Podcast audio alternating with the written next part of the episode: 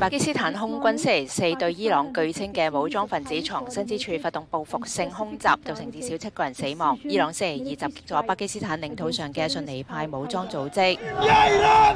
喺巴基斯坦，幾十名嘅抗議者星期四喺首都伊斯蘭堡街頭遊行，抗議伊朗本星期對卑路支省杭吉古爾地區嘅襲擊。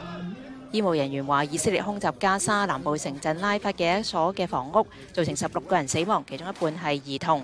以軍星期四亦都公佈咗喺韓遊尼斯南部行動嘅影片。泰國當局喺星期四話，可能係需要一啲嘅時間，先至能夠確定鄉村煙花工廠爆炸原因。已經發現嘅屍體共二十二具。